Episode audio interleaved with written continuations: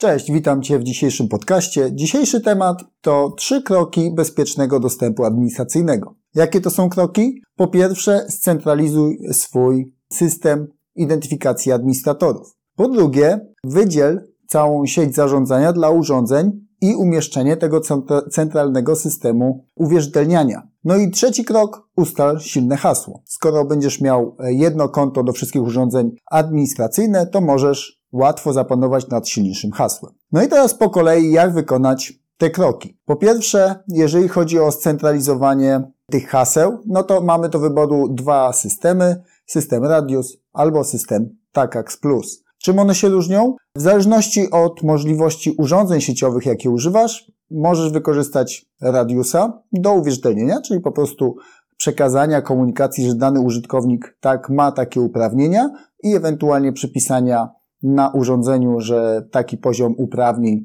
dla danego użytkownika będzie przypisany. Jeżeli masz urządzenie, które potrafi bardziej szczegółowo rozróżniać poziomy dostępu, czyli na przykład per komenda, to wtedy możesz również rozważyć użycie TACAX Plus. Pierwotnie TACAX Plus został wymyślony przez Cisco, a tak naprawdę wymyślony był TACAX, a potem ten Plus to oznacza, że został zestandaryzowany ten protokół. Generalnie chodziło o to, że możemy rozróżniać do jakich konkretnie komend ma dostęp dany użytkownik administracyjny. Dodatkowym jeszcze ulepszeniem, ale w pewnych sytuacjach jest to wadą, jest pełne szyfrowanie TACAX Plus. Czyli jeżeli chciałbyś w pełni zabezpieczyć tą komunikację między urządzeniem sieciowym a systemem centralnym, to oczywiście TACAX Plus to zapewnia. Tyle tylko, że jak już wspomniałem wcześniej w tych głównych punktach, dobrym, dobrą praktyką jest umieszczenie w osobnej sieci zarządzania tego systemu uwierzytelniania administratorów. W związku z tym to szyfrowanie też nie ma wtedy wielkiego znaczenia. Jeżeli chodzi o system Radius, to tutaj e, standardowo szyfrowane są tylko hasła,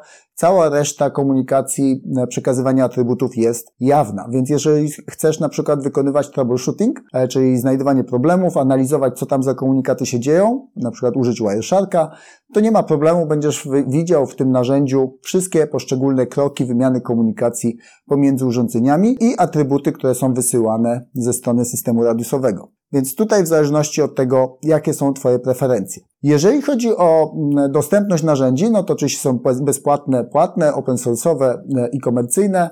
E, jeżeli chodzi o te open source'owe, to tutaj e, nie spotkałem się z jakąś szerszą implementacją tak jak Plus. Natomiast Free Radius, najbardziej popularny system open source'owy w tym zakresie, jak najbardziej można wykorzystać do małych instalacji do swoich sieci. I w moim doświadczeniu, w mojej opinii, nie ma tu żadnego problemu. Jeżeli masz małą sieć i chciałbyś po prostu sobie podwyższyć poziom bezpieczeństwa, to to jest dobra droga i dobra taktyka. Jeżeli wydzielisz jeszcze, że dostęp do tego systemu i komunikacja między urządzeniami sieciowymi od strony administracyjnego interfejsu będzie ograniczona tylko do konkretnej sieci zarządzania, to zupełnie wystarczająco zabezpieczysz tą komunikację w oparciu o radius. Kolejna rzecz, e, opowiadałem w jednym z poprzednich odcinków, e, że można różnie separować te sieci zarządzania, czyli możemy access listy zapisać na przykład na konkretne podsieci, e, konkretne hosty, Możemy zrobić e, stację przesiadkową do tej sieci zarządzania lub możemy zrobić osobnego VRF-a. Też pokazywałem e, w jednym z odcinków, jak stworzyć taki osobny VRF do zarządzania urządzeniami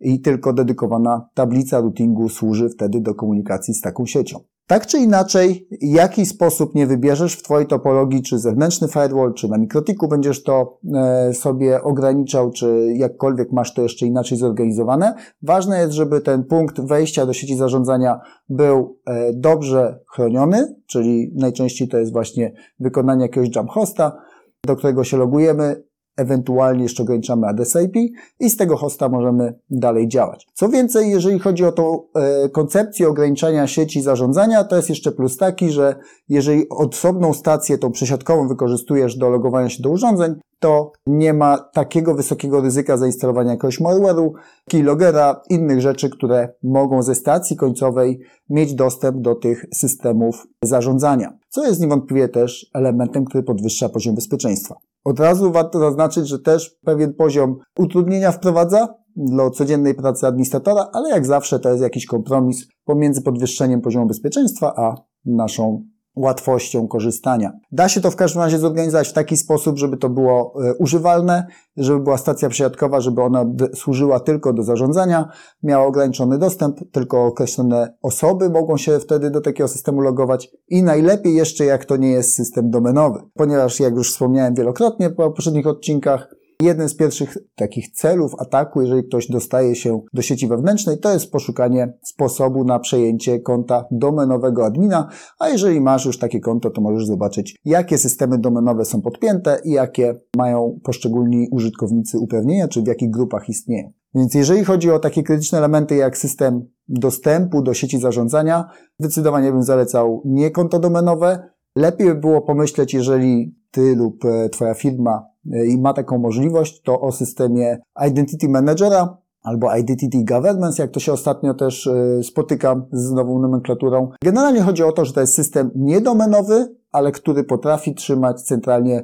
informacje o wszystkich kontach. Ponieważ nie jest to domena, to już jest e, trochę e, większa różnorodność tych systemów, które możesz wybrać od różnych producentów i dzięki temu możesz trochę lepiej się zabezpieczyć, czyli zwiększyć bardziej trudność przejęcia ewentualnie dostępu do takiego centralnego systemu. Jeżeli zdecydujesz się na lokalne konta na takim, takiej stacji przesiadkowej, też to jest możliwe. To wszystko zależy od Twojej skali, od tego, ile administratorów ma mieć dostęp do tej stacji przesiadkowej, jak zarządzać tymi uprawnieniami. Czyli jeżeli to jest jedna osoba, dwie osoby i mała jest dotacja tych pracowników, to lokalne konta są spokojnie dobrym rozwiązaniem. Jeżeli to jest większa firma i tych administratorów może być więcej z różnymi poziomami uprawnieniami, to lepiej jest zrobić zewnętrzny dodatkowy system, który zarządza dodawaniem tych kont, nawet jeżeli one będą lokalne, to dodawaniem, usuwaniem, jeżeli użytkownicy administracyjni się pojawiają albo znikają z naszej firmy. No i na koniec e, trzeci krok, czyli hasła. Jeżeli mamy mało tych kont, a powinniśmy dążyć do tego, żeby było jak najmniej, no to wtedy możemy ustawić silne hasło, i miejmy nadzieję, że ci użytkownicy administracyjni no, powinni być bardziej świadomi,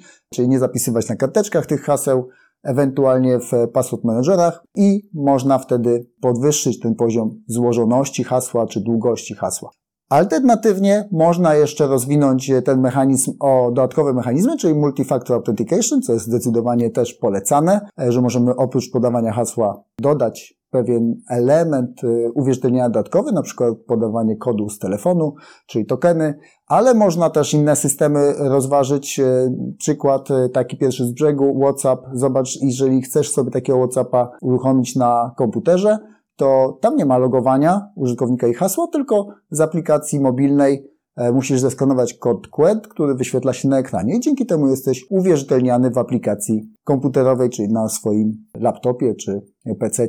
I dokładnie tak samo można też zrobić e, w kontekście tej stacji przesiadkowej, czyli można uzależnić jeszcze ten dostęp e, nie tylko od loginu i hasła, ale również od zewnętrznego czynnika. Może on być dodatkowy, może być jedyny, w zależności od tego, jak wysoko chcesz postawić tą poprzeczkę, czyli balans między użytecznością a poziomem bezpieczeństwa. Oczywiście możesz do tego użyć również certyfikatów, również jest taka możliwość, nie ma żadnego problemu, żeby się łączyć e, przez certyfikaty, czy po EDP-ie, czy innym systemem. Generalnie chodzi o to, żeby się efektywnie uwierzytelnić i żeby można było powiedzieć, jaki poziom dostępu może mieć dana osoba. Jeżeli mówimy o stacji przesiadkowej tylko dla administratorów, no to tu jest troszeczkę łatwiej, bo w zasadzie jeżeli nie rozróżniamy tych administratorów, to jeden poziom uprawnień nam wystarczy, jeżeli mówimy o kontekście na przykład urządzeń sieciowych tylko. Natomiast jeżeli taką stację przesiadkową byśmy chcieli stosować do różnych grup administratorów, na przykład administratorzy systemów, administratorzy sieci, administratorzy firewalli, czy jakkolwiek jest to podzielone u Ciebie, no to to już jest kwestia wtedy dobrania tej koncepcji, jak rozróżniać te grupy. Ja bym raczej szedł w stronę, żeby stworzyć osobne stacje przesiadkowe,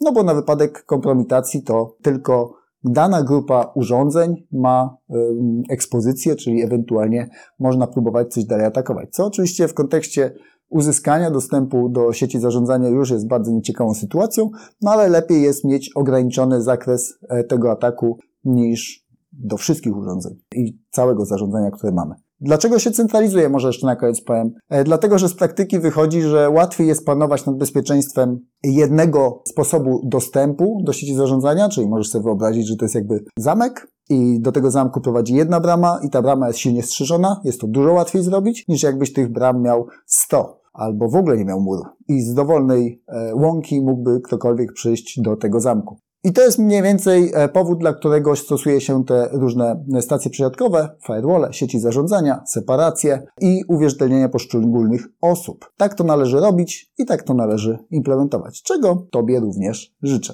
Na dzisiaj Ci dziękuję i do usłyszenia już za tydzień.